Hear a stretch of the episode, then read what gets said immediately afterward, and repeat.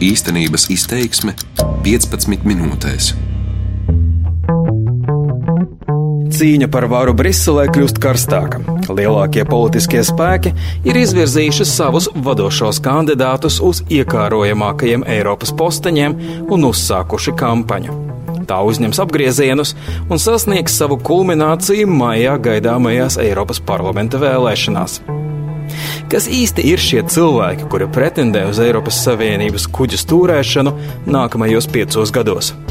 Par to šīs dienas raidījumā īstenības izteiksmes stāstīšu es, Latvijas rādio korespondents Briselē, Arčuns Konahaus. Špicen kandidāti. Šis vācu termins plašākai sabiedrībai kļuva zināms pirms aptuveni pieciem gadiem. Tulkojumā tas nozīmē vadošais kandidāts. Tomēr vācu valodā šis vārds skanēja tik precīzi un skarbi, ka to sāka izmantot arī citās valodās. Dažreiz gan ar visai nievājošu pieskaņu. Spitzenkandidāts. Spitzenkandidāts. Spitzenkandidāts. Spitzenkandidāts. Bet ko tad tas īsti nozīmē? Būtībā katra Eiropas partija grupa izvēlās savu premjera kandidātu un saka vēlētājiem, ka, ja viņi uzvarēs Eiropas parlamenta vēlēšanās, tad Eiropas komisija, jeb valdību, vadīs tieši šīs cilvēks un nevis kāds cits. Tā pie amata nokļuva Žants Klods Junkers. Līdz ar to, ja jūs iepriekšējās parlamenta vēlēšanās balsojāt par vienotību, arī jūs tam palīdzējāt. Tomēr daudzu valstu vadītājiem toreiz nepatika, ka deputāti nostādīja viņus fakta priekšā un būtībā atņēma izvēles brīvību. Tādēļ šoreiz viss nebūs tik vienkārši. Par to jau februārī skaidri paziņoja Francijas prezidents Emmanuels Macrons. de distinguer d'abord deux choses. D'une part, le processus interne des familles politiques européennes. Ir svarīgi nošķirt divas lietas. No vienas puses ir leģitīmi procesi, kas norisinās dažās Eiropas politisko partiju ģimenēs. Tie ir pilnīgi pamatoti. Tomēr no otras puses likumos ir skaidri noteikts, ka Eiropas komisijas priekšsēdētāju kandidātu izvēlās Eiropa dome, ņemot vērā Eiropas parlamenta vēlēšana rezultātus. Un tādēļ mēs esam vienbalsīgi vienojušies, ka nebūs nekādas automātiskas lielākās partijas vadošā kandidāta izvirzīšanas Eiropas komisijas vadībā. To ir svarīgi atzīmēt. Ieklausieties, nebūs nekā automātiska. Un kad Makrons saka mēs, viņš šoreiz domā visu 27 Eiropas Savienības valstu premjerus un prezidentus, kuri februārī pieņēma šādu lēmumu arī Māri Kučinski. Būtībā tā ir cīņa par varu. Tā izšķirs, kurai Eiropas iestādei būs lielāka teikšana par amatu sadali. Špicen kandidāts. Francijas prezidentam vadošo kandidātu sistēma nepatīk arī tādēļ, ka viņa nesen nodibinātā partija nepieder ne pie vienas no lielajām politiskajām grupām Eiropā.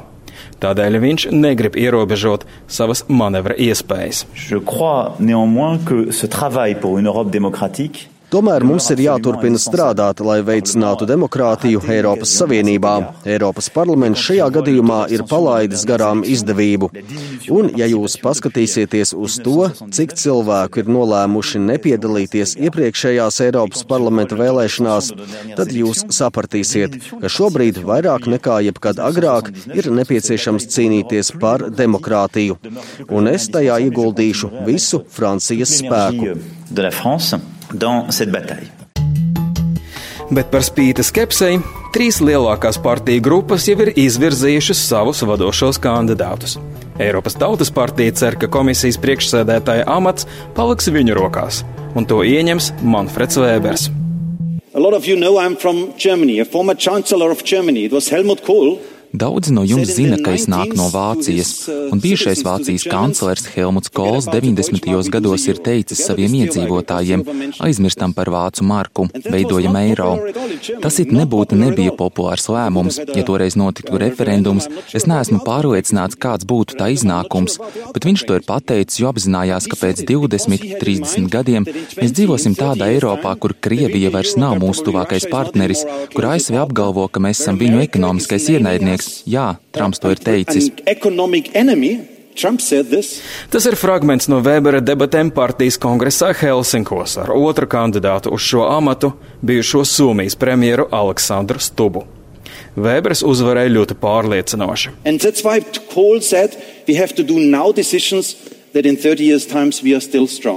Kolam toreiz bija vīzija, kā panākt, lai pēc 20, 30 gadiem mēs, Eiropieši, joprojām būtu spēcīgi.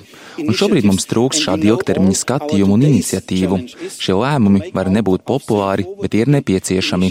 Un mūsu lielākais izaicinājums šodien ir panākt, lai Eiropa būtu ne tikai ekonomiskais smagsvars, kāds tas ir pašreiz, bet arī politiskais smagsvars. Un tas nozīmē strādāt pie vienotas ārlietu politikas un spēcināt aizsardzības budžetu. Mums pašiem saviem spēkiem ir jāaizsargā sava nākotne. Šobrīd Vēbers vada Tautas partijas grupu Eiropas parlamentā. Viņa kandidatūru atbalstīja arī no vienotības ievēlētie Eiropas parlamenta deputāti, tostarp Sandra Kalniete. Tomēr telefona sarunā no Helsinkiem viņa toreiz atzina, ka Vēbers visticamāk nebūs redzams uz vienotības priekšvēlēšanu kampaņas plakātiem. Ir daudz citas lietas, kas Eiropieši uzstāv daudz vairāk kā citiem kandidāts, ko tā vai cita partija būs izvēlējusies. Jo arī Mākriet Vēberi jau ievēl nevis tāpēc, ka mums vajag citiem kandidātu, bet tāpēc, ka mēs vēlamies vienu seju, kas īstenos to, kas Eiropiešiem ir svarīgs. Otra lielākā Eiropas parlamenta grupa ir sociāldemokrāti. Tajā no Latvijas darbojas tikai no saskaņas ievēlētais Andrejs Mamīkins. Tagad gan viņš vietējā līmenī ir pieslēdzies Tatjanas Ždanokas Latvijas Krievu Savienībai. Tā būs labākā un spēcīgākā kauja, ko mēs jebkad esam izcīnījuši. Mēs to uzvarēsim, un Francis jau ļoti, ļoti drīz kļūs par nākamo Eiropas komisijas priekšsēdētāju. Tas ir sociāldemokrāta grupas priekšsēdētājs Udo Bulmans, un viņa pieminētais Frants ir pašreizējais Eiropas komisijas pirmais priekšsēdētāja vietnieks Frans Timermans no Nīderlandes. Iespējams, ka vislabāk viņš kļuva pazīstams cīņā ar pašreizējo Polijas valdību pret tās tieslietu sistēmas reformām. Kad es biju zaldāts, mani mācīja cīnīties pret austrumu bloku. Tad 1989. gadā krita Berlīnes mūris, kas manā politiskajā dzīvē neapšaubāmi bija pats svarīgākais notikums. Toreiz Polijā ekonomika bija sliktākā stāvoklī nekā Ukrainā, un paskatieties uz Poliju tagad. Tās ekonomika ir piecas vai sešas reizes lielāka nekā Ukrainas. Protams, ka es nemēģinu apgalvot, ka tas ir tikai Eiropas Savienības nopelns. To paveica Polijas cilvēki, bet esmu pārliecināts, ka Eiropas Savienība tam ir palīdzējusi. Timermans ir patiesi kaismīgs runātājs. Tostarp arī gadījumos, kad citi politiķi mēģina apgalvot, ka Eiropas vērtības ir balstītas tikai kristīgajā ticībā un musulmaņi to apdraudot. Christian, if another Christian would claim the copyrights Es kā kristietis jūtos ļoti nēti, kad kāds cits kristietis mēģina apgalvot, ka kristiešiem pieder autortiesības uz Eiropas vērtībām. Mēs nebūtu tur, kur mēs esam bez humanistiem. Mēs nebūtu tur, kur mēs esam bez apgaismības. Manu baznīcu bija nepieciešams apgaismot.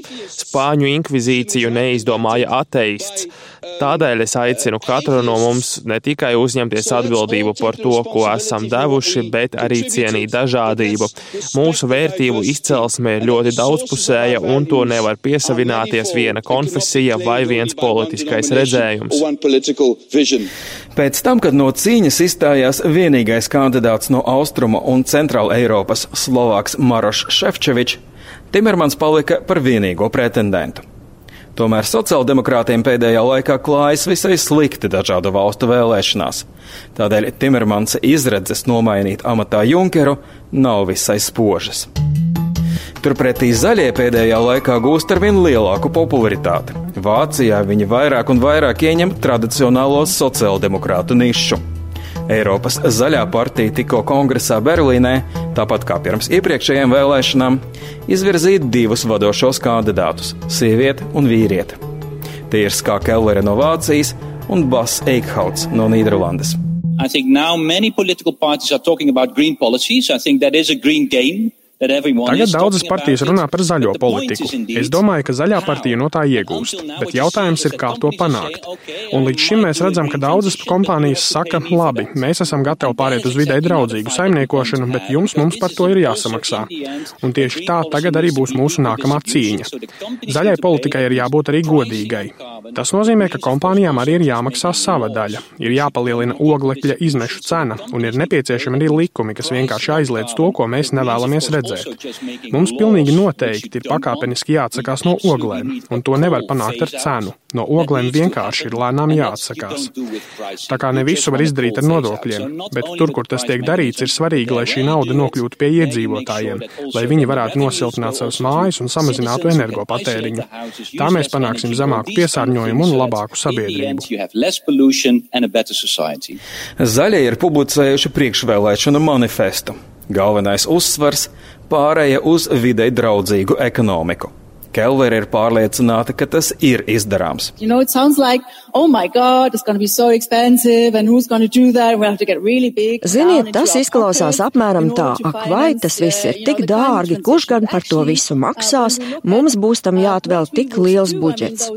Bet ja jūs paskatīsieties uz to, kas patiešām būs jādara, tad redzēsiet, ka, piemēram, jaunie autobusi radīs mazāku gaisa piesārņojumu ar mikrodaļiņām, un tā šobrīd ir nopietna problēma, līdz ar to mazāk vairāk cilvēku gūs nopietnas slimības vai nomirs. Tādēļ veselības sistēmai būs mazākas izmaksas, un tie paši autobusi cerams radīs arī mazākus oglekļa izmešus. Ja mēs tagad darīsim kaut ko, lai izglābtu mūsu planētu, tas izmaksās krietni mazāk nekā, ja mēs ļausim visam nogrimt un tad mēģināsim izdzīvot. Tad tas izmaksās krietni vairāk. Costly. Zaļo un Eiropas brīvās alianses grupā no Latvijas strādā Miroslavs Mitrofānovs, kurš gada sākumā stājās Ždanokas vietā. Visneparastāko pieeju šoreiz ir izvēlējušies liberāli demokrāti, kur patvērumu ir radusi arī no Zaļo un Zemnieku savienības ievēlētā Ieveta Grigula Pēterse. Šī grupa cer uz kopīgu startu ar Makrona partiju. Tādēļ šoreiz liberāli demokrāti ir atteikušies no viena vadošā kandidāta un sola februārī izvirzīt veselu komandu, kas būtu gatava ieņemt dažādus vadošos posteņus. Visai iespējams, ka viņu vidū būs arī Eiropas Savienības konkurences komisāre Margarete Vestegere.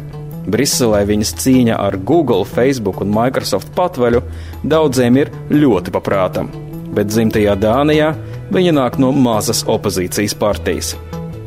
Tomēr Eiropas politisko studiju centra pētniece Sofija Rusaka saka, ka liberāldemokrātu stratēģija varētu nostrādāt.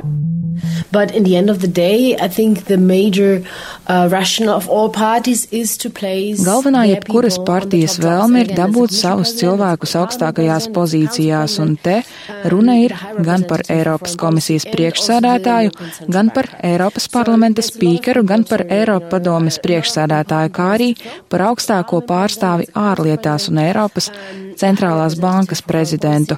Ir daudz svarīgu amatu, kas būs jāizpilda, un katra partija, tostarp liberāli demokrāti, vēlas tur redzēt savējos. Par spīti Eiropas valstu vadītāju vēlmei paturēt lēmumu pieņemšanu savās rokās, Rusaka netic, ka par nākamo Eiropas komisijas vadītāju, jeb tā dēvēto Eiropas premjeru, kļūs kāds pēdējā brīdī izraudzīts kandidāts. Tostarp arī ne Brexit sarunu vadītājs Mišels Barņē. E es neticu, ka tas varētu būt Barņē. Man liekas, ka Tautas partija ir nopietni iestājusies par Manfredu Vēberu. Es neticu, ka padome pēc vēlēšanām pēdējā brīdī izvilks kādu pilnīgi nezināmu kandidātu. Jā, šoreiz kandidātu ir vairāk, bet es domāju, ka viens no tiem patiešām kļūs par nākamo Eiropas komisijas priekšsēdētāju. Visbeidzot, lielākais jautājums jautājums ir, vai vadošo kandidātu sistēma patiešām spēj padarīt Eiropas politiku un vēlēšanas iedzīvotājiem tuvākas un saprotamākas. Jo galu galā tieši tāds bija šīs kārtības oficiālais mērķis - piešķirt Briseles politikai cilvēcīgu seju. Šeit pētniece ir skeptiska. So my general opinion is that Um, the people are not aware of the system, so it does not help to promote. Kopumā es uzskatu, ka cilvēki nezina par šo sistēmu un tādēļ tā nepalīdz padarīt vēlēšanas populārākas. Tas nav nostrādājis iepriekšējo reizi un diez vai nostrādās šoreiz. Līdz ar to sistēma kā tāda nepanāks lielāku vēlētāju līdzdalību. Tomēr Eiropai tagad ir jārisina daudzas svarīgus jautājumus, piemēram, migrāciju. Tādēļ cilvēki šobrīd pievērš Eiropas politikai nedaudz lielāku uzmanību nekā līdz šim.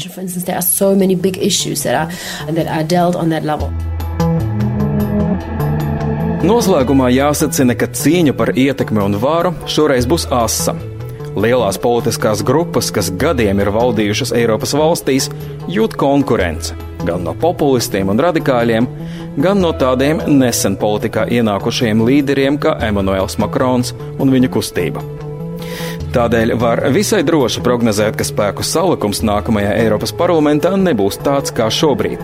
Un tāpēc nevar zināt, kādas koalīcijas politiķiem varētu nākties noslēgt, lai vienotos par varas sadali. Šīs dienas raidījums īstenības izteiksme ir tapis Briselē, un to sagatavoju es, Arčuns Konahas. Par labskanību rūpējās Kaspars Groskops. Darbības vārds īstenības izteiksmē izsaka darbību kā realitāti tagadnē, pagātnē vai nākotnē, vai arī to noliedz.